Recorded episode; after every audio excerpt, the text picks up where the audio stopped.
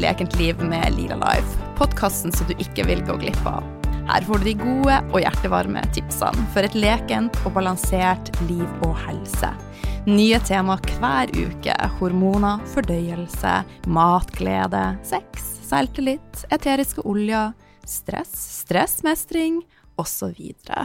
Ja, hva prater vi egentlig ikke om? Noen ganger så har jeg med meg spennende gjester, og av og til så er det meg. Og hvem er jeg? Jeg er Oline, jeg er næringsterapeut, yogalærer, veileder i eteriske oljer, mamma, livsnyter og har ei brennende interesse for ei naturlig helse. Jeg har vært alvorlig syk i mange år, og nå er jeg 43 år og faktisk mer vital enn noen gang. Livet, det leker lite grann. Mitt mål med denne podkasten er å vise at det er mulig å gjøre en stor forskjell med små endringer, brikke etter brikke, steg for steg. Sharing is caring, og jeg blir så glad om akkurat du tar deg tid til å legge igjen en kommentar på iTunes. Det betyr at budskapet når flere, og gjerne tips en venn, naboen, en partner. Ja, du får lov å tipse faktisk hvem du vil.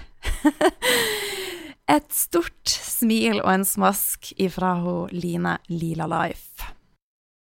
Velkommen til en ny episode av Et lekent liv med Lila Life. Dagens gjest har jeg lenge ønska med på podkasten. Hun er ei dyktig dame med en veldig spennende og allsidig bakgrunn. Hun har jobba som modell, hun er utdanna samfunnsgeograf og har i flere år jobba i humanitær sektor i Asia, Afrika og Latin-Amerika. Og jeg ble også ganske imponert når jeg leste meg opp på det. Hun har også vært basehopper. Eh, det er jo fantastisk. Og de siste årene så har hun jobba som gründer, og da og eh, dagens gjest, Annika Binds, hun jobber nå som mentaltrener og yogalærer.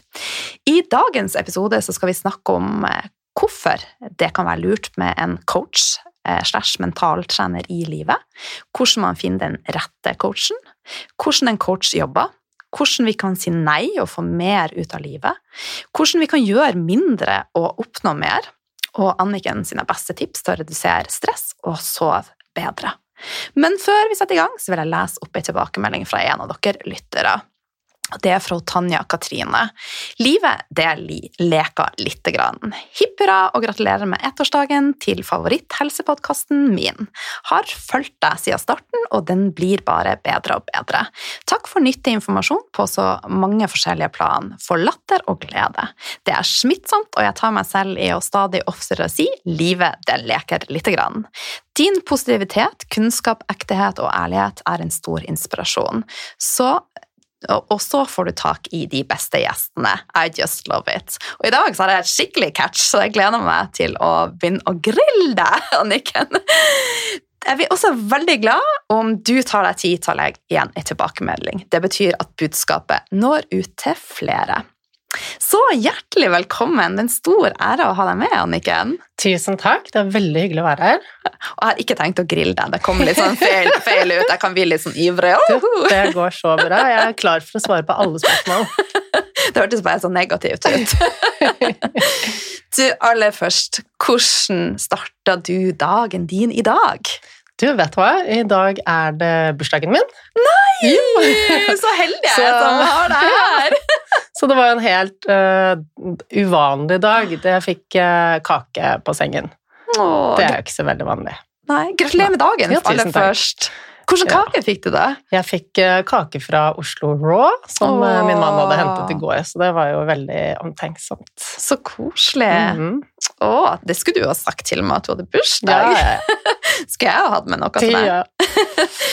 Men en vanlig dag i ditt liv, da, mm. hvordan starta den? Du, ja, vet du hva. Eh, jeg er jo sånn som deg som har morgenrutiner. Eh, og jeg er også opptatt av, sånn som jeg har hørt at du også er, at disse morgenrutinene de skal være fleksible. Og hvis jeg ikke får gjort morgenrutinene, så er det helt ok. Mm. Og jeg har erfaring fra tidligere i livet hvor jeg var veldig sånn fastlåst i mine rutiner, og alltid galt hvis jeg ikke fulgte det. Mm. Og det er ikke liv i frihet. Nei. Så for meg så er det viktig at de morgenrutinene jeg har, er sånn som jeg gjør når jeg har mulighet til det, og når det er riktig. Hvis jeg ikke gjør det, så er det helt greit. Mm. Og jeg liker å stå opp før eh, familien min står opp. Jeg har to eh, barn som går på skolen.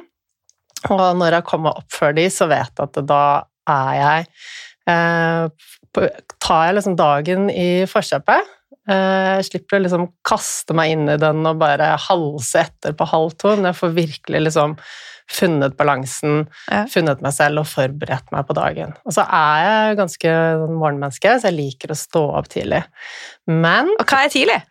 nei, altså alt mellom fem og halv syv. Ja. ja. Men det kommer an på For meg så er søvnen viktigere enn morgenrutiner. Så har jeg ikke kommet meg tidsnok i seng, så setter ikke jeg på vekkerklokken for å stå opp tidlig og gjøre morgenrutinene mine. For jeg vet at det viktigste for meg er å få nok søvn hvis jeg skal holde ut i lengden. Mm. Og det er så viktig. Ja, det er viktig for helsen. Altså. Men det jeg gjør, da sånn, Jeg har jo en del morgenrutiner som går på liksom det å eh, altså, hydrere kroppen etter natten, liksom, børste tungen, sånne ting som du mm. også gjør, har jeg hørt. eh, og ting som jeg gjør for å bygge opp tarmen, liksom, kostholdsrelaterte ting. Men jeg tenker at det, dette er rutiner som jeg gjør fordi de er bra for meg på grunn av den situasjonen jeg er i, og hvordan kroppen min har det. Mm. Så det er sånn, jeg tenker at alle vil jo ha individuelle rutiner, hva som funker for dem. Men jeg har én god rutine som jeg mener er et mest for absolutt alle. Du er spent! Ja. det er like viktig som å pusse tennene. Ja. Og det handler om hjernetrening, rett og slett. Mental trening. Det første jeg gjør når jeg våkner opp, altså før jeg går ut av sengen, er at jeg finner tre ting som jeg tenker kommer til å bli fint med den dagen som kommer. Mm. Og det handler om å bygge nervebaner i hodet som ser etter de positive tingene istedenfor de negative. Så viktig. Ja, det er jo det. fordi at hvis vi ikke tar et bevisst valg om å gjøre dette, så vil vi lete etter de negative. For sånn er vi skapt. Mm. Vi skal se etter farer. Vi skulle overleve. ikke sant? Da vi bodde på savannen og var jegere og sankere, så trengte vi å se etter farer. Mm. Derfor har vi en sånn uh, negativity bias. Vi mm. ser etter det negative, rett og slett. Så når vi tar grep da, og begynner å sette i system at vi hver eneste dag leter etter ting som skal være fint, ting vi er takknemlige for, mm. så forsterker vi de nervebanene, og det blir lettere tilgjengelig for oss. Mm. Så 40% av lykken vår er faktisk trenbar. Det er jo fantastisk. Ja, det er helt fantastisk. så rett og slett tre ting som ja. du tenker i dag. Ja. ja, og det er sånn Og jeg vet at noen morgener så våkner man og bare øh, Alt mm. er bare grått. Så det, Da skal man tenke at det er helt greit, man skal ikke lage noe stress rundt det. Men det man da uansett kan gjøre, er å tenke ok, hvis det er tre ting som er fint Kanskje det blir fint å ta med en kopp kaffe, ikke sant? Ta meg en dusj, eller kanskje jeg skal ligge på sofaen i dag, kanskje det blir fint. Altså, det kan være helt sånne enkle ting. Uh, og vi klarer alle å finne et eller annet som er litt bedre enn de andre tingene. Mm. Og så hvis man der og da på morgenen ikke kommer på alle de tre tingene, så gir man seg selv i oppgave å lete etter det gjennom dagen. Så i løpet av dagens løp så har vi funnet tre ting. Og det er rett og slett for å trene deg opp til å se etter det som er bra for deg, mm. ikke det som er negativt. Mm. Ja. Og en av mine store forbilder i livet det er min bestefar. Han er 93 år, Hei. og han har opplevd mye. Mista barn og Men han gjør faktisk dette hver morgen. Han Jeg får gåsehud nå. Ja, han bare bruker å si til meg, Line, jeg ligger litt i senga om morgenen. Det er ikke fordi jeg er lat, jeg ligger bare og kjenner på hvor takknemlig jeg er for at jeg har livet. Så utrolig fint. Mm, han er så fin. Så jeg elsker den uh, mannen. Åh, oh, gud. Mm. Ja, kjempebra. ja. Uh, du, du, dette er første gang du er med på podkasten, så både jeg og lytterne er nok litt nysgjerrige på hvem er du, og litt om mm. din bakgrunn. Kan ikke du fortelle litt? Ja, nå har jo du gitt meg en fin liten intro her, da. Ja. Uh, jeg er mamma. Jeg har to barn på skolen. Eh, og er gift og født og oppvokst i eh, Oslo. Men har tilbrakt store deler av livet mitt i utlandet, på reise. Altså, jeg begynte å jobbe som modell da jeg var 14, mm. og jobbet parallelt med at jeg gikk på skolen og tok artium, så jeg var ute og reiste store deler av tiden. Eh, og også noen år etter at jeg var ferdig på videregående, så jobbet jeg ute. Og så tok jeg et valg om å slutte med det. Fordi at eh, det å jobbe som modell, det var en total mismatch med alle mine verdier. Mm. Alt det som var viktig for meg. Og jeg innså at jeg var eh, ikke glad i det hele tatt. Så var jeg skikkelig langt nede. Det var så mange ting ved den jobben som ikke gjorde meg glad. Eh, Og det handler om de verdiene motebransjen er bygget på, eh, og liksom hele settingen og, og, og alt det som skjedde, men det handlet også mye om at friheten min var innskrenket. Mm. Jeg kunne ikke bestemme hva jeg skulle gjøre, når jeg skulle gjøre det. Og det for meg var helt grusomt. Så eh, da jeg sluttet, så tok jeg en tatovering på ankelen min. og det, er, det var den før man kunne retusjere bilder, så det var litt sånn Modeller skulle ikke ha tatovering. Endelig er jeg fri! ja, ja. En bitte liten delfin, da. Men det som er så kult, da, eh, er at den for meg symboliserer at livet skal være lekent. At jeg skal leke og ha det bra og ikke jobbe og slite og være et sted som ikke er riktig for meg. Åh, Så jeg det matcher veldig godt med dine tanker om livet. Ja. Ja, så bra. Jeg har også en tatovering på ankelen min. Det står 'Just breathe'. ja ikke sant? Så bra. Vi er Ja, kanskje så- litt mer like enn vi. Ja, jeg tror vi har en del til felles. Ja. Men uansett, så det som alltid har vært viktig for meg helt fra jeg var eh, liten Jeg husker jeg var ni år gammel og var eh, i Kenya. eh, Så var det sånn at men da jeg blir stor, så skal jeg, jeg skal hjelpe de fattige barna i Afrika. Så det var liksom sånn Mine Mm. naive tanker da var at Men jeg vil gjøre noe for noen andre, og det var den måten jeg tenkte at jeg kunne gjøre det på. Mm. Så jeg gikk inn og studerte samfunnsgeografi, som var eh, Det var veldig få retninger tilgjengelig innenfor utviklingsstudier den tiden jeg begynte å studere. Så eh, jeg studerte det for å kunne jobbe innen humanitær sektor. Nå Ja. får jeg gåsehud. Og parallelt med det så tilbrakte jeg masse år i utlandet, både for å gjøre internships og for å reise og bare tilegne meg kunnskap om eh, Så jeg var jo mye i Afrika og Mm. Asia og Latin-Amerika. Eh, Og etter jeg var ferdig, så jobbet jeg også ute, som du nevnte. Jeg var i Ah. Pakistan, for eksempel, med Flyktninghjelpen. Men parallelt med alt dette så har jeg hoppet fallskjerm hele veien. Det har vært sånn hobby. Og det er for meg helt insane. Ja, ja, og det var litt sånn jeg begynte da jeg var eh, 18, eh, og tenkte jeg skal i hvert fall aldri begynne med basehopping. Jeg hadde ikke noe behov for det. Og så er det noe med at det sakte, men sikkert så hadde jeg all den kunnskapen jeg trengte for å gjøre det, og jeg hadde folk rundt meg som gjorde det. Så var det veldig enkelt å være nysgjerrig og bare prøve. Hvordan var dette? Jeg dro opp til Romsdalen og gikk opp på toppen av et helt stort, fantastisk fjell og gjorde det første hoppet, og det er en helt fantastisk følelse. Og da var det ikke noe vei tilbake. Så da holdt jeg på med i ti år ved siden av studier, og da jeg jobbet i Pakistan, så hadde jeg, hoppet jeg jo Jeg dro jeg bodde et sted i nærheten av der Osama bin Laden bodde. Han var der samtidig med meg. Og da drakk kaffe med han.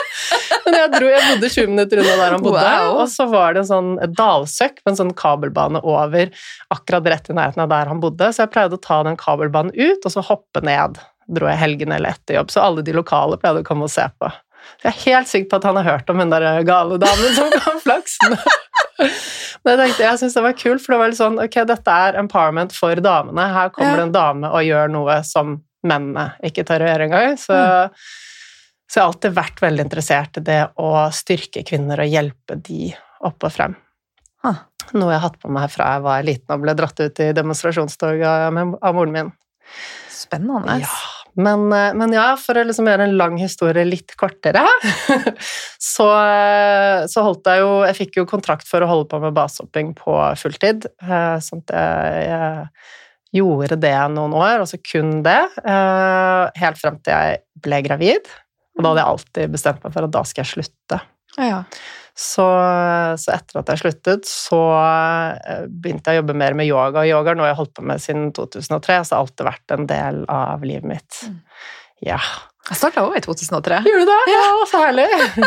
så liksom bare, altså Det har alltid vært der, alltid vært en naturlig go-to, og jeg underviste litt. De gangene jeg har vært hjemme i Oslo, så underviste jeg, men da, etter at jeg fikk barn, så satte jeg opp et eget uh, senter hvor vi hadde så yoga for gravide og nybakte mødre og alle typer kurs, tjenester, massasje, alt som handler om den tiden. Mm. Så det drev jeg i mange år. Ja. Mm. Og så ble du etter hvert coach, da. Ja, så videreutdannet jeg meg til, eh, til coach og mentaltrener. Ja. Ja. Hva du liker at jeg, bruker ordet coach eller Du, mentaltrener? vet hva, det spiller ikke noen rolle. Eh, Det, jeg bruker begge to, Mm. eh, og de er litt forskjellige og litt like. Ok, Ja. ja. Men da, da vet jeg det.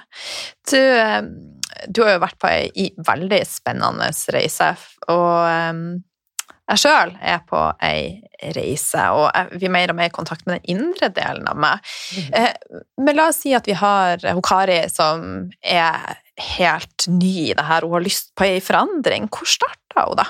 Mm. Hvordan ender? det? Så det kommer jo eh, veldig an på hvorfor hun har lyst på denne forandringen. Ja.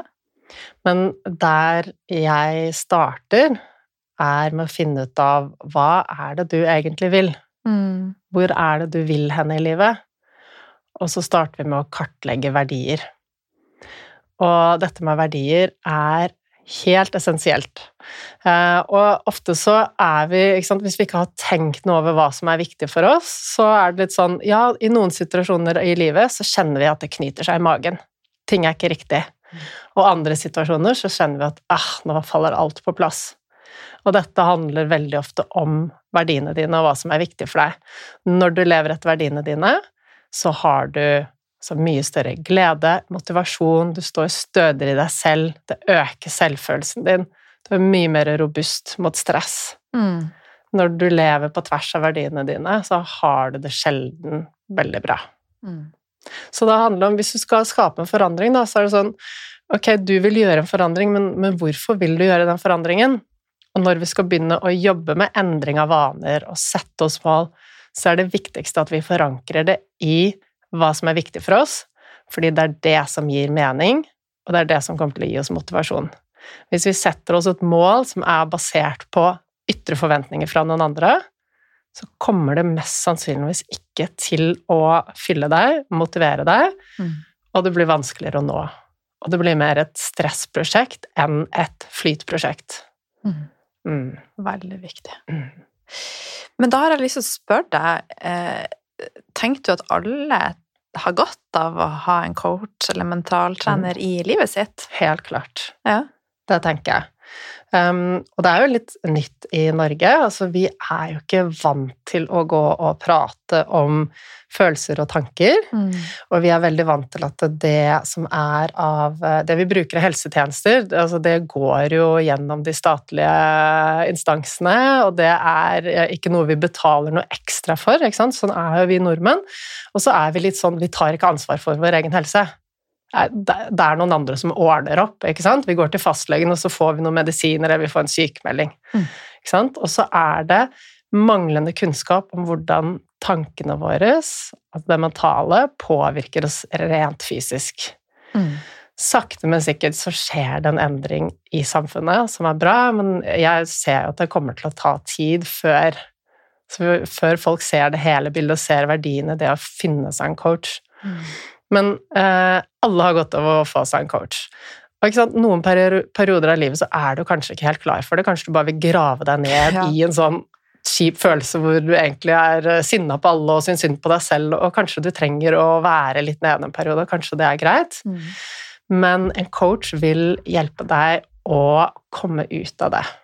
Hjelpe deg å finne motivasjon, mening, glede, alle de tingene. Mm. Mm. En liten avsporing, for jeg har vært eh, på et opplegg på funksjonell medisin, og vi mennesker i Norge, da, det, det vi er mest opptatt av når det gjelder mat og tjenester, det er faktisk at det er billig. Ja, Det er en undersøkelse som er gjort. Så vi bruker jo prosentvis veldig lite på sånne helseting kontra andre land, i, eh, i hvert fall i Europa. Mm.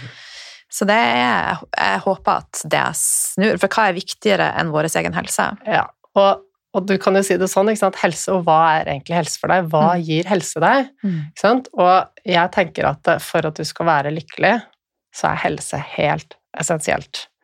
Og når jeg sier at 40% av lykken din er trenbar, så begynner du å skjønne at ok, vet du hva, hvis jeg faktisk får litt hjelp med det mentale, shit, da kan jeg ha det bra. Mm. Men hva er det vi bruker penger på for å, fordi vi tenker at det kommer til å gjøre oss lykkelige? Nei, vi kjøper oss kanskje noen uh, nye pupper eller lepper, eller noen nye klær. Eller pusse opp. En, ja, pusse opp. En ny hytte eller båt eller en ferietur. Så tenk på hvor mye penger nordmenn bruker på å i gåseøynene kjøpe seg lykke. Mm. Fordi uh, man ikke vet at det ikke gir deg lykke. Og det er to former for lykke. Den ene er den flyktige, forbifarende følelsen, altså tilstanden, som handler om eh, lykkehormoner som, som, sprutes ut i kroppen. Du får et boost, og det får du når du oppnår noe, eller når du kjøper en ny ting, så får du det der boost av lykkehormoner. Mm. Men kroppen jobber alltid ut fra en sånn kost-nytte-analyse. Så når du først har liksom fått av denne gode matretten, disse søtsakene f.eks., så får du et boost av, av lykkehormoner. Men det er ikke noe vits å fortsette å gi disse lykkehormonene over tid. Så du får det boostet, og da blir det tomt, mm. for du vil jo ha mer. Så da må du ut på en ny runde. Og, og, sånn er det det kalles hedonistisk tilpasning. At vi eh, sant, kjøper en ny bil, og det er kult i en dag eller to, er det ikke så spennende lenger. Og det, det, handler egentlig om altså, Gå til evolusjonen, så ser du at eh, grunnen til at vi har lykkehormoner, denne lykkefølelsen, det er for å motivere oss for å gjøre en handling for at menneskearten skal overleve. Du skal ha sex, eller du skal finne mat, eller tak over hodet. Da får du et boost av lykkehormoner. Det forsterker din nervebane og den handlingen, sånn at du gjentar det. Enkelt og greit. Spennende! Ja, vet det. og det er like, og når du skjønner at Oi, men vet du hva, dette her er det som gir meg lykkefølelse. Og hvis jeg driver og shopper eller får meg rusmidler eller spillegalskap Men det er også sånn de som driver med overtrening, da, eller jobber seg i hjel på Altså jobber mye, for at det gir det dopamingreier, liksom, til lykkehormonet. Det er en sånn evig jakt, og du kan aldri vinne. Ikke sant? For du får boostet, og så er det over, så må du ha mer, og så må du ha mer. Mm. Og det er derfor vi da kommer inn på den andre eh, delen av lykke, som er den generelle tilfredsheten. Og ved å trene, ved å fokusere på takknemlighet og den morgenrutinen jeg har, og jeg har også en kveldsrutine, og det er å hente frem tre ting som jeg er takknemlig for med den dagen. Det å gjøre de tingene vil øke tilfredsheten din. Så ja, du kan bruke så mye penger du vil på å kjøpe en ny bil, eller uh, whatever, men det er ikke det som kommer til å gjøre deg lykkelig i det hele tatt. Nei, hører dere det? Ja. ok, men uh, hvordan finner man da den rette coachen? Hva skal man se etter? Vet du hva, jeg tenker at det fins jo så masse forskjellige coacher. Mm. Og da må jeg tenke at det, det, er viktig å finne ut av hvorfor du har lyst på en coach. For, for, noen så gjelder det kanskje at de vil finne en ny retning innen arbeidslivet. Da kanskje de vil ha seg en ny jobb. De trenger kanskje karrierecoach eller business coach. Mm. Så det fins jo forskjellige coacher som spesialiserer seg på forskjellige ting. Og det handler egentlig om å google litt og sjekke litt og bruke nettverket sitt. Og coacher er forskjellige, og jeg tror jeg er veldig forskjellig fra de fleste andre også, fordi jeg er både coach og mentaltrener. Eh, mens noen er eh, bare det ene eller det andre. Og så har jeg i tillegg for det en helt sånn nerdete interesse for hvordan kroppen fungerer. Jeg har lest utrolig mye om altså, hvordan tarmen fungerer, altså alt som har med trening, fysiologi, altså alle mm. de tingene. Hjernen, hvordan hjernen fungerer.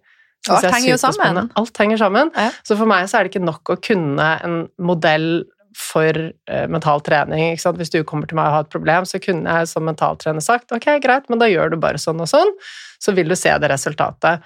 Og ja, det stemmer, men jeg trenger også vite hvorfor. Hva er det som egentlig skjer i hjernen? Hva er det som skjer inni kroppen rent fysiologisk? Mm. Og det, den interessen har jeg nok fra at jeg har jobbet med yoga i så mange år og fordypet meg veldig i kroppen og ja. ja. Men har du sjøl coach? Du, akkurat nå har jeg ikke det, Nei. men jeg har i perioder brukt mange av de som jeg har eh, utdannet meg sammen med. Ja.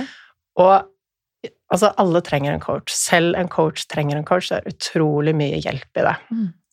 Og så kommer det an på okay, hva er det jeg har behov for å jobbe med nå. Er det liksom min egen eh, mentale greie, eller trenger jeg en som hjelper meg litt i forhold til business? Så da vil jeg jo eventuelt søke coacher som er flinke på det ene eller det andre området. Så akkurat nå så er jeg en sånn ekstremt busy periode av livet mitt, så de jeg bruker som sparringspartnere, er eh, en kollega og mannen min, som er gode til å stille gode spørsmål og sette meg på plass. Så bra. Ja. Men når du sjøl da skal finne din coach, hva ser du etter? Er kjemi viktig? Absolutt. Ja. Det er jo det. Eh, og, eh, og det vet man ikke før man har vært hos en eh, og har prøvd, men, men da går jeg gjerne etter anbefaling fra andre. Og så er jeg interessert i noen som har den fag, fagbakgrunnen som er riktig for meg, som jeg syns er interessant. Mm. Mm. Ja. Men som coach, da, ser du et visst mønster? Er det noe som er en stor utfordring som du ser går igjen? Ja.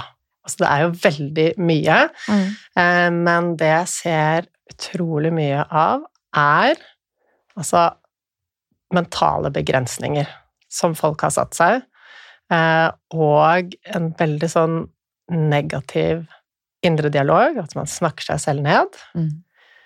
Lav selvfølelse, veldig lav tro på seg selv, og en manglende forståelse på at man faktisk kan få livet man har lyst til å ha. At man bare følger etter forventningene og gjør og gjør det man tenker er Altså, man, eller man tenker ikke, man bare gjør. Ikke sant? Mm. Så, så det ser jeg ofte er liksom utfordringen, og så går folk ofte på en smell. Da, ikke sant? De blir stresset, de blir utbrent, og det er angst og depresjon, og det er veldig mange ting som dukker opp. Mm. Ja. Men den der negative indre dialogen, hvordan kan vi på en enkel måte snu det? Ja, på en enkel måte. Hvordan kan ja, vi snu det? Du vet hva, altså akkurat dette er en av de tingene jeg brenner veldig for. Um, steg nummer én er jo å skjønne at vi faktisk snakker til oss selv. Mm. Og at de tankene, eller de tingene vi sier til oss selv, de påvirker oss. Når vi tenker på en ting, så bruker vi de samme nervebanene i hodet som om vi skulle gjort det. Mm. Ikke sant? Så du som lytter kan jo sikkert eh, huske, hvis du tenker tilbake på en gang du kranglet med sjefen eller med partneren din, hvis du liksom henter opp den historien i hodet, så vil du kjenne at kroppen begynner å reagere fysisk. Ikke sant? Hjertet begynner kanskje å slå fortere, og du blir klam i hendene, eller kjenner at det blir litt hissig. ikke sant? Eller bare hvis du har vært forelsket, da, når du har tenkt på den du har vært forelsket i. altså Alle de følelsene som dukker opp i kroppen. Mm. Det er kun basert på en tanke. Ikke sant? Mm. Og da begynner vi å skjønne at oi, men tankene de kan skape fysiske reaksjoner i kroppen. Og tanker som er altså, Jeg liker egentlig ikke å bruke ordet negativt, for det er ikke noe sånt som er negativt eller positivt, men det handler om hva som er konstruktivt for oss. Hva som, hva som bygger ressurser, og hva som ikke gjør det. Så de tankene som, som ikke bygger ressurser hos oss, som, eh, de vil veldig ofte sette i gang stressresponsen vår. Mm. Og, og da har du en veldig sånn negativ spiral, og det er jo selvforsterkende, for jo flere ganger du tenker en sånn negativ tanke, Mm. jo lettere er det å tenke den igjen. Og den påvirker hvordan du har det, hvordan du føler deg, den påvirker selvtilliten din, selvfølelsen din, prestasjonene dine, energien din, Mm. stressnivået i kroppen. Fordøyelsen, ikke sant? Ja, ja. Den Alt. går jo inn på alt. Altså, I går så, så hørte jeg en, eh, en lege som var eh, en eller annen spesialist på, på tarm eh, og psykisk helse, og han sa at um, det er tre ting da, for barn under tre år som påvirker eh, bakteriefloraen eller balansen i tarmen. Og det ene er jo om de er født vaginalt eller ikke. Det andre er om de ammes eller ikke. Vet du hva det tredje var? Nei. Mors stressnivå. Ja, selvfølgelig. Mm. Ha. Ja. Ja. Så det er jo Ikke sant? Så Mm. når, og stress, det er jo sånn Vi, vi påvirker de rundt oss, ikke sant? En mor overfører stresset til barnet sitt. Mm. Går du med masse sånn tankekjør, en indre dialog som bare snakker deg selv ned og bare 'Å, jeg er ikke god på dette, og jeg er stygg, og jeg er ikke flink til dette, og hva tenker de om meg?' Nei, dette kan jeg ikke. Det skaper stress i kroppen din. Det Hjernen din tolker det som en trussel. Aktiverer stressresponsen, og så har du alle de fysiske reaksjonene gående i kroppen. Og, og konsekvensene blir langtidsstress. Mm. Så har du utmattelse, du har liksom alle de følgeplagene, da. Dårlig fordøyelse. Mm. Alle de tingene. Men da når man får en, en tanke som ikke er så konstruktiv, for Mm. eksempel Jeg kunne våkne opp i dag og så tenker jeg, åh, øh, hvor tjukk er jeg? Mm. Så man har jo den tanken. Ja. Skal man da ha snakke imot den tanken Du. og faktisk si noe bra? Er det det som er trikset? Veldig bra spørsmål. Så det første er å akseptere tanken. Ja. Fordi at du har ikke noe kontroll over hvilke tanker som kommer. Og jeg har en, en sånn fin ligning som jeg bruker. Eh, Jeg surfer jo, jeg driver med bølgesurfing, jeg syns det er veldig gøy. Og tankene, de er som bølger. Du har ingen kontroll over hvilke som kommer, men du kan selv velge hvilke du vil surfe på. Så hvilke du hekter deg på. Mm. Så det er sånn fint bilde som du kan ta med deg. Så du har ikke noen kontroll over de som kommer. Og det viktigste du kan gjøre, er å bare akseptere at den tanken er der. At den har dukket opp. Om du liker den eller ikke, spiller ingen rolle. Med en gang du begynner å mislike tanken og vil prøve å dytte den bort, hva tror du skjer i kroppen din da? Nei, da kommer det en fin tanke. Nei, men da skaper du stress. Og igjen, åh, Ja, ja. ikke sant? Hvis du bare sånn Åh, den, den tanken liker jeg ikke, jeg vil ikke ha den. Og Ja, sånn sett, ja. ja. Så, Så hvis du prøver å dytte bort, så blir Ja. det en stressrespons. Litt sånn som yoga, ikke sant? Ja. For du driver med yoga. Hvis Ja. du skal inn i en litt avansert asana, hva skjer når du bare spenner kroppen? Du jobber jo mot systemet ditt, rett og slett. Og når du slapper av, Så flyter jo ting. da opplever du frihet, ikke sant? Mm. Og samme med tankene. Når du slapper av i forhold til Ja. så påvirker ikke de deg på samme måten. Mm. Og så øver vi oss på, da, på å skape en avstand mellom oss og tanken. Fordi tanken er jo ikke oss. Vi er ikke tanken. Tanken er kun en rekke med ord oppi hodet vårt. Mm. De kan være sanne eller ikke sanne, spiller ikke noen rolle. Så da har jeg masse teknikker som jeg bruker, eh, og det er verktøy som vi rett og slett går inn og liksom trener på konsekvent og over tid. Og det handler om å gjøre det ofte. Ikke sant? Så jo oftere du møter tanken på en konsekvent måte, jo lettere blir det for deg å gjøre det. For hver gang du gjør det, så bygger du og forsterker du den nervebanen. Og det blir lettere og lettere. Og som en konsekvens av denne treningen over tid, så vil også færre av disse uhensiktsmessige tankene dukker opp. Mm.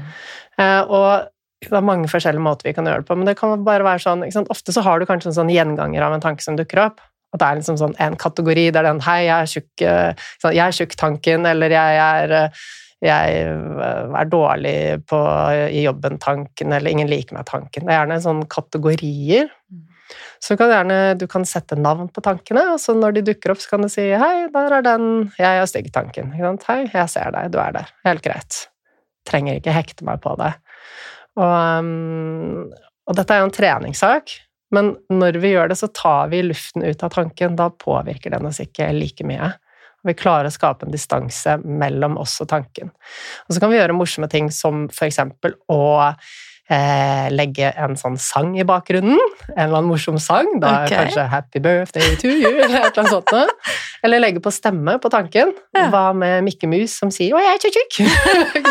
Og så er det plutselig ikke så veldig alvorlig lenger. Så det går an å gjøre. Ja. Og så jobber vi også veldig konsekvent med dette med indre dialog, og spesielt i forhold til prestasjoner. Da. Hvis vi liksom sier at du skal inn og eh, søke på ny jobb, ikke sant? Mm.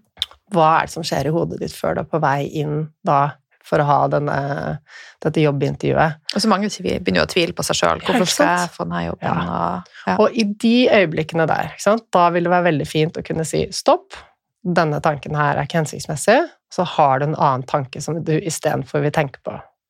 Så da gjelder det, ikke sant, da vil du på forhånd, hvis du ville sitte med meg for eksempel, så vil jeg spørre deg, okay, det, hva, hvilken tanke dukker opp i hodet ditt når du er på vei inn i dette jobbintervjuet? Ofte bruker jeg visualisering da, for, eller sånn, for, sånn at man kan forestille seg at man er i den settingen. Mm. Og du bare ja, nei, jeg tenker at øh, å, jeg er litt redd for hva de tenker om meg, og jeg er sikkert ikke flink nok, og sånn. Ok. Og da ville jeg spurt deg hvordan øh, får den tanken her til å føle deg? Og hvilke begrensninger skaper den for deg? ikke sant? Og da blir det sånn Nei, vet du hva, det føler meg, det føler meg helt grusomt, jeg mister selvtilliten, og jeg synker litt sammen i holdningen, og får i hvert fall ikke troen på meg selv. Ikke sant? Så ok, men hva, hva kan du tenke istedenfor som vil gi deg den følelsen du vil ha når du går inn i jobbintervjuet? Kan tenke Jeg, det, ja. jeg, ikke sant? Og det, det kan være Ja. sånn der eh, Jeg har all den kunnskapen jeg trenger, eller jeg er god nok. Ikke sant? Det kan være sånne ting. Og Mm. de tingene kan du repetere overfor deg selv som mantraer eller sånn affirmasjoner, sånn som er vanlig å gjøre. Ikke sant? Og det funker. Mm.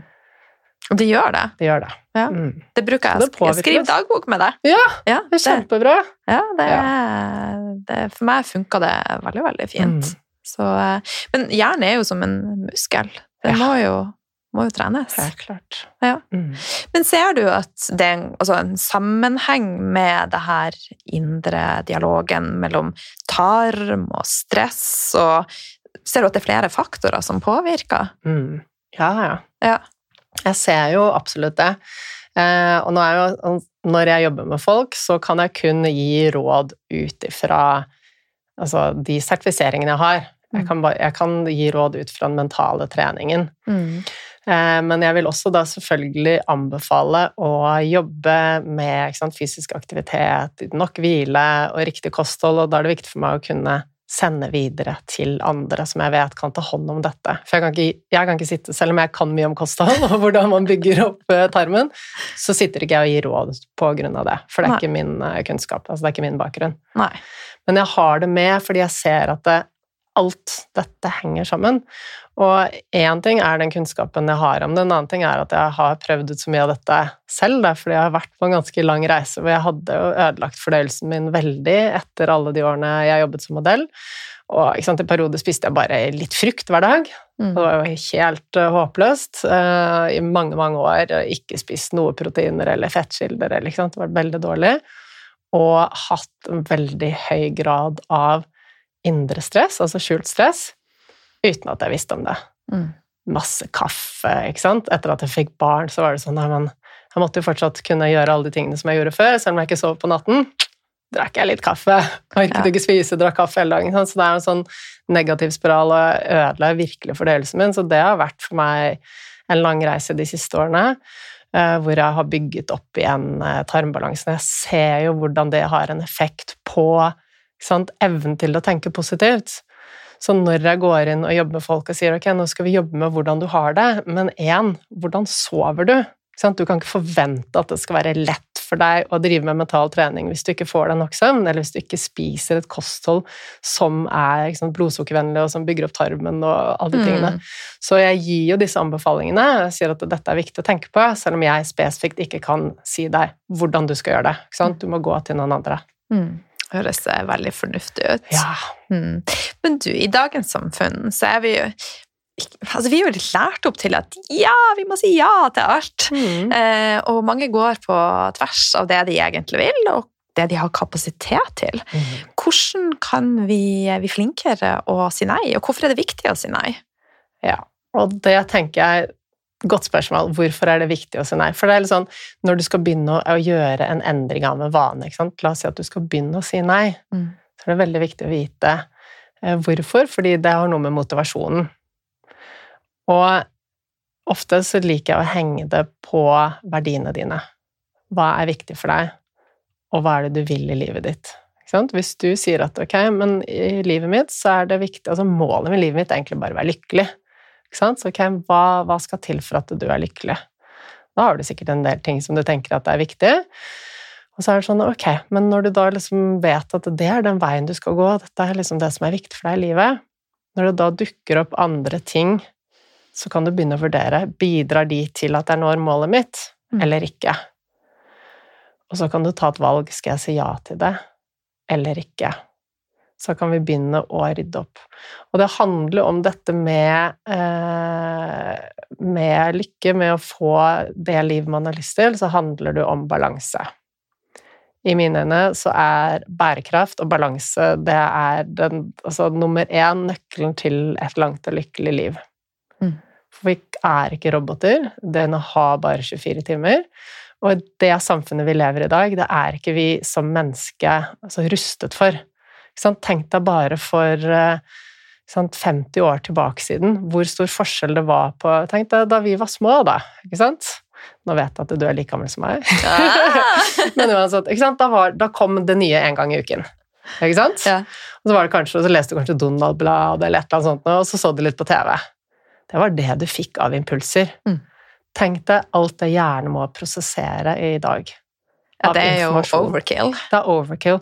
Og det når hjernen må sitte og prosessere ting hele tiden, det er slitsomt, for da jobber nervesystemet på bånn gass. Ikke sant? Så det, og så har du sånn Du har så mange ting, mye flere ting å ta stilling til. Du har mer informasjon, du har mer som skal prosesseres, og du har flere valgmuligheter.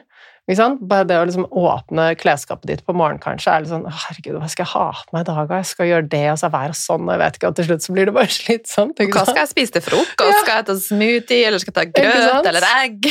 Ja, så alt dette det er med på å skape Det blir overload, og vi blir overveldet, og det er med på å skape stress. Så med den kunnskapen om at for å ha et liv i balanse, hvor du har best mulig helse og kan være lykkelig, så trenger du å forenkle. Du trenger å fjerne det som ikke bidrar. Og da må du ta et bevisst valg. En, hva er viktig for meg? Når jeg er 80 år gammel og sitter på gamlehjemmet og ser tilbake til livet mitt, hvordan vet jeg at jeg er fornøyd med livet, eller hva skal til for at jeg er fornøyd med livet når jeg sitter der og ser tilbake? Mm. Sånn? Hva er de tingene som jeg kommer til å være stolt av? Og da begynner man å få, sånn få ting i perspektiv, og bare ok, men vet du hva? Det jeg holder på med her, det bidrar ikke i det hele tatt til det som er viktig for meg, og da kan vi begynne å si nei.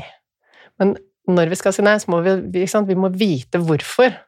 Vi må gjøre det viktig for oss. Vi må gjøre det viktig for oss å ha god helse, og være lykkelige og nå de målene våre, hva nå enn målene er. Om målet ditt er mer ro eller tid med familien, eller hva det er.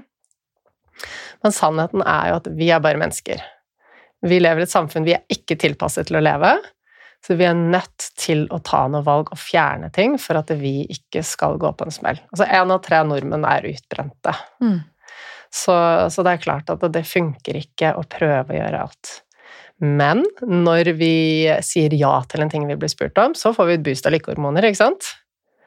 Der og da. der og da, Mm. ikke sant? så går det veldig fort over. Og så handler det jo også om at vi er jo flokkdyr, og vi er jo Da vi levde som jegere og sankere, så var vi helt avhengig av samfunnet vårt for at vi skulle overleve. Derfor, så hvis du gjør et eller annet som minner om at du blir utstøtt, eller noe som ligner på dette, at du blir avvist eller utstøtt fra flokken, så produserer det stresshormoner. Vi ønsker å please fordi vi ønsker å være en del av samfunnet, fordi det handler om overlevelse av menneskearten. Så du sier ja, du er med på ting fordi det gir deg lykkehormoner. Når du sier nei, så produserer det stresshormoner, og det er utrolig ubehagelig. Men det er noe som vi kan øve oss på, ikke Det sant? kan vi øve. Ja. Ikke sant? Så uh, nummer én handler om bevissthet. Ja, nå skjønner jeg hvorfor jeg liker å si ja, men jeg sier ja til altfor mange ting. Eh, Jeg blir utslitt, jeg har ikke plass til så mange ting, og når jeg prøver å gjøre alt, så går kvaliteten på arbeidet også ned, ikke sant? Så ja, man skjønner de prosessene som ligger bak, og så kan man konsekvent begynne å si at ok, men vet du hva, det er viktig for meg å si nei. Kanskje man ikke trenger å si nei til alt i starten, kanskje man kan velge seg ut én ting og øve seg, men det viktigste når det gjelder å øve seg på det, er å gi seg selv tid. Mm. Og det er egentlig alt i mental trening handler om å gi deg selv tid til å tenke før du reagerer. Så hvis noen spør deg, hvis sjefen spør deg, om kan du um, ta på deg den oppgaven her, istedenfor å bare Ja, det kan jeg selvfølgelig! Så bare Du, men jeg skal komme tilbake til, meg, la, til deg, la meg sjekke kalenderen din. Eller, bare, eller ikke sant Jeg skal komme tilbake til deg, jeg må bare skal få en oversikt over de andre gjøremålene. Så vent med å si ja eller nei. Bare si en eller annen ting som kjøper deg tid. Jeg skal sjekke kalenderen, eller jeg må høre med partneren min, jeg skal sjekke ditt og natten, jeg må få oversikt over alle gjøremålene mine. Så tar du en vurdering, kjenner på magefølelsen, ikke sant? For den er viktig. Ja, den er viktig. Mm. Så sier du ja eller nei. Så kan det hende at du sier ja selv om du vet at det ikke er riktig for deg, men da har du i hvert fall tatt det valget bevisst og gjort det av en eller annen årsak. Mm. Og det kjennes mye bedre ut når du har tatt det valget og vært helt konsekvent på det. Ja, men jeg gjør det. Istedenfor at bare Å nei, nå sa jeg ja igjen. Jeg har egentlig ikke tid til det. Hvordan skal jeg komme ut av det? Mm. Ja. Så setter man seg sjøl i en litt vanskelig situasjon. Ja. og jeg har vært så der, så Men jeg har lært på min vei. Ja, Blitt veldig mye flinkere. det er så lett å si ja, for Ja. det gir altså Alle har lyst på lykkehormoner. Det gir en så deilig boost. Mm. Og så er det noe med å bli litt sånn tryggere i seg sjøl. Da er det også litt lettere å, å si nei til de tingene som man Mm. eh, Ja, og da er det jo her øvelsene som du har vært inne på, veldig Absolutt. nyttige. Ja, Ja, Å vite hva som er viktig for deg. Ja. Ikke sant? Og når Mm. du vet det, så står du jo så mye stødigere i deg selv. mm. Men eh, vi er jo også veldig opptatt av at vi skal gjøre mest mulig. Altså, vi har konkludert med at det kan være lurt å, å ha det litt enklere. Så hvordan kan vi oppnå mer med å faktisk gjøre mindre? Mhm.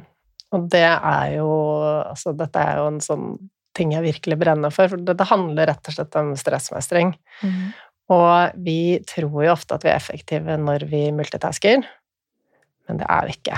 Hjernen vår kan bare fokusere på én ting av gangen. Det er klart, en veldig sånn automatisert handling som å ta ut av eh, oppvaskmaskinen, det klarer du sikkert å gjøre samtidig mens du hører på en podkast, ikke sant? Men eh, noe mer enn det, det vil kreve at du må switche mellom oppgavene. Så vi tror jo ofte, sant, spesielt i en sånn jobbsammenheng, da, så, så sitter vi kanskje og svarer på en e-post, og så kommer det en telefon, og så sitter vi og jobber med en rapport, og så er det noe annet som dukker opp, og så er vi veldig nysgjerrige på hva som var i den e-posten, og så kommer en kollega inn og snakker med oss. Og hver gang vi sånn, mister fokuset fra det vi jobber med, og switcher fokuset til noe annet, og skal tilbake igjen, så kan det ta opptil 20 minutter å gjenvinne fokuset.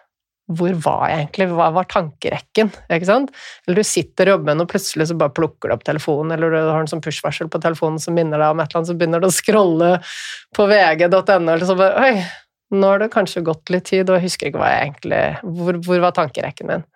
Så da mister du veldig mye tid. Så ved å singeltaske istedenfor å multitaske, så får du opp kvaliteten på det du gjør, uansett hva du gjør, eh, og du får ned tidsbruken. For du er jo mye mer effektiv når du er til stede. Mm. Og så handler det om å rydde opp i livet ditt og fjerne de tingene som ikke bidrar til målet ditt. Som ikke bidrar til det som er viktig i ditt liv. Mm. Så får du gjort de tingene som er viktige for deg. Du gjør de med tilstedeværelse. Og dette er trenbart. Når vi mediterer, så trener vi på å være til stede. Hente tankene tilbake. Eh, og dette med evne til fokus, det, det er trenbart. Konsentrasjon og fokus. Og det gjør vi ved å? Vi jobber med å sette oss et mål. Har du et klart mål, så er det mye lettere å dirigere energien.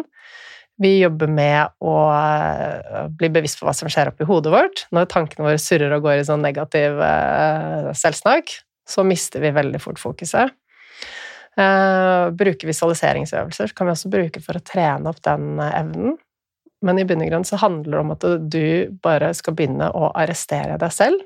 Være mer til stede når du gjør tingene, og gjøre de med bedre kvalitet. Få de raskere unna. Mm. Ja. Ja. Og så, og så er det dette Ja, vi har lyst til å gjøre så mye. Men vi kan ikke gjøre alt. Det er helt umulig. Og jeg har selv gått i den fellen, så jeg snakker av erfaring. Og jeg gikk på en skikkelig smell, for jeg skulle jo klare alt. Og da er det sånn, ok, men hvor fruktbart er det når du går på en vegg, eller kvaliteten på arbeidet ditt går ned, og du er litt til stede på det styremøtet, og så er du litt til stede med familien din, og så holder du på med podkast der, men du er ikke helt til stede når du har en podkast-sendingen, og så skriver du en blogg, og så er du på jobb, og så er du yogalærer, men du er ikke til stede når du er yogalærer. Så hva får du ut av tingene når du ikke er til stede i det du gjør? ja, det er jo lite. Du får veldig lite ut av det. Mm. Så det er mye bedre å plukke ut de få tingene som er viktige for deg, og gjøre de 100% med tilstedeværelse. Har du funnet et system som funker for deg nå? Ja, jeg Ja. har det. Ja. Men så er det også sånn Det er ferskvare, som du sier. Med sant, alt det mentale, hvordan helsen vår er, hvordan tilstanden i kroppen. Det er jo ferskvare. Så jeg har et system som funker for meg. Jeg er veldig klar og tydelig på hva mitt mål er, min visjon, hva som er viktig for meg. Når jeg får en henvendelse om jeg skal gjøre noe, så vurderer jeg det opp mot det. Stjeler, stjeler det tid fra det som er viktig for meg, eller bidrar det på et eller annet Mm. vis til å liksom føre meg videre langs den røde tråden? Sånn, Og da har jeg jo forskjellige mål for sånn, livet mitt og fritiden min og familien min og, og jobb, men de henger sammen, så jeg vurderer det hele tiden.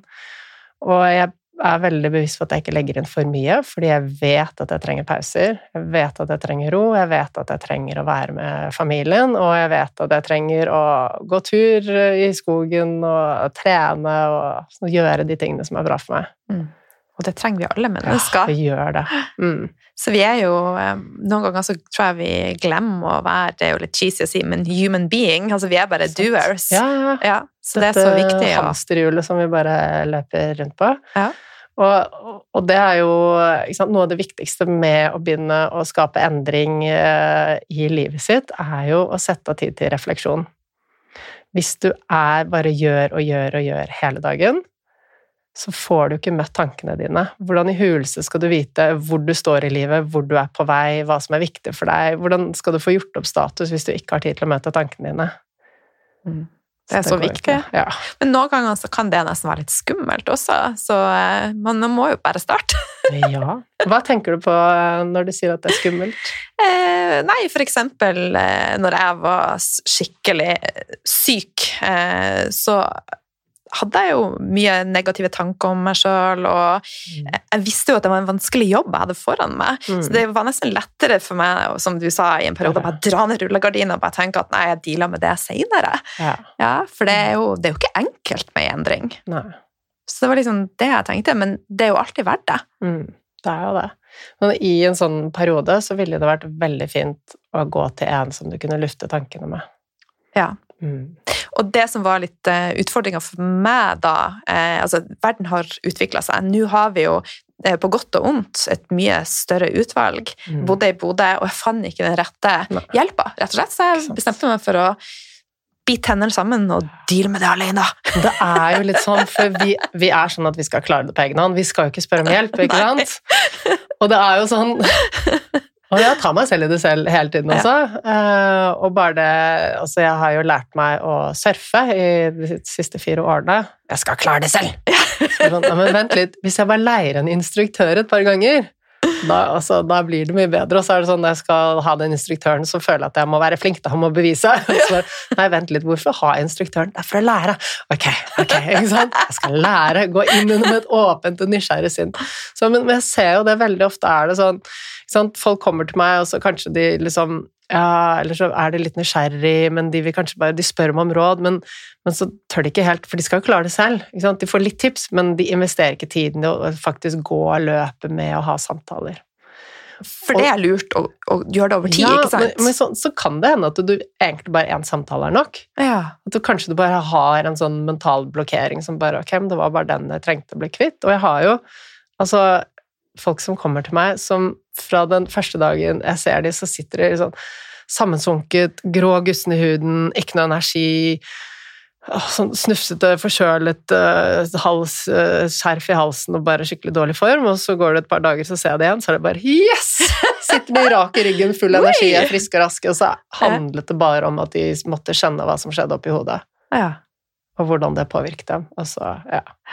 For alle reiser er jo forskjellige. Alle reiser er forskjellige. Ja. Men noen har kanskje gått over gå over en periode, noen holder dem et par ganger. Og så, så er det at det, hos meg så, så, jobber jeg der og da, ikke sant. Det skjer veldig mye på samtalene. Men så får du også verktøy som du tar med deg hjem og trener på, og veldig mye av effekten fra de samtalene, de skjer i ettertid. Fordi det fortsetter å jobbe i hodet ditt, ikke sant? og det er med på å forme deg veldig lang tid fremover. Så det kan godt hende at to-tre ganger er nok. Mm. Eller kanskje du trenger ti ganger. Men det er helt opp til deg selv og hvilket sånn, tempo du vil ta det. Kanskje du vil gjøre det over mange år, kanskje det er det du har behov for. Mm. Men det er lurt å ta den investeringen og ikke tenke at ja, men jeg skal jo klare det på egen hånd, da, ikke sant? Mm. Så jeg får et lite tips av deg hvordan jeg kan jobbe med tankene. Og nå skal jeg jobbe med tankene! Fordi at nå skal jeg møte tankene, og skal jeg endre denne tanken! ikke sant? Ja. ja. Det blir veldig tungt, og så, så, bruker man veldig mye energi på å ikke komme så veldig langt. Mm. Mm.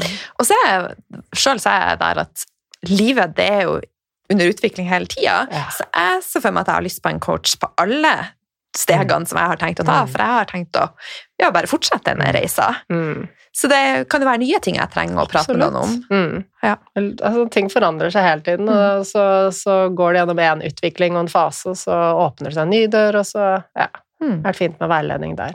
Ja. Mm. Men nå har vi prata litt om hvordan vi kan eh, sette grenser, si nei og gjøre mindre og oppnå mer. Mm. Eh, men så har vi jo Helge. Du, for en stund tilbake så postet du noen innlegg på, på Instagram på storyen din som traff meg veldig, for at i helgen skal det skje så mye. Alle Mm. kamper, dugnader, bursdager skal pakkes inn når vi endelig har fri. Mm. Og det kan føles som en liten tvang av og til. Mm. Hvordan kan vi klare å si nei der? For det er ikke alltid så lett. Nei. Og jeg tenker at det første handler om bevissthet, for jeg tror veldig mange ikke har tenkt over at de har et valg. Så jeg coacher folk som er også eldre enn meg, som gjennom hele livet sitt bare har sagt ja og gjort de tingene som er forventet, fordi alle andre gjør det, og det er sånn man bare gjør det.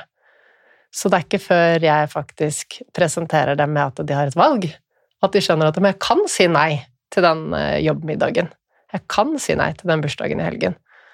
Og det er jo, så, så bare det å vite at det faktisk det går an å si nei, er jo, er jo liksom steg én, å være bevisst på det.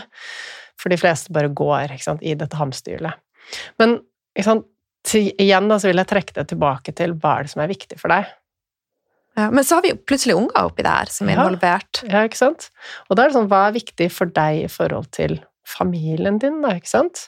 Så veldig mange har proppet ukedagene fulle med aktiviteter. Barna går på tre-fire aktiviteter hver, og man skal kjøre de rundt, og så kveldene er stappfulle. Så alt av bursdager og alt sånt, ja, det må vi selvfølgelig ta helgene, for det er det eneste tidspunktet vi har overskudd og tid. Og så tenker jeg, det er et valg du som familie har tatt for din familie. Det å drive og overføre det til andre familier som kanskje har tatt et annet valg, det syns jeg er litt dårlig gjort. Og nå er jo frihet en veldig viktig verdi for meg, så alt som begynner å true den friheten, da kommer piggene mine ut. Ja.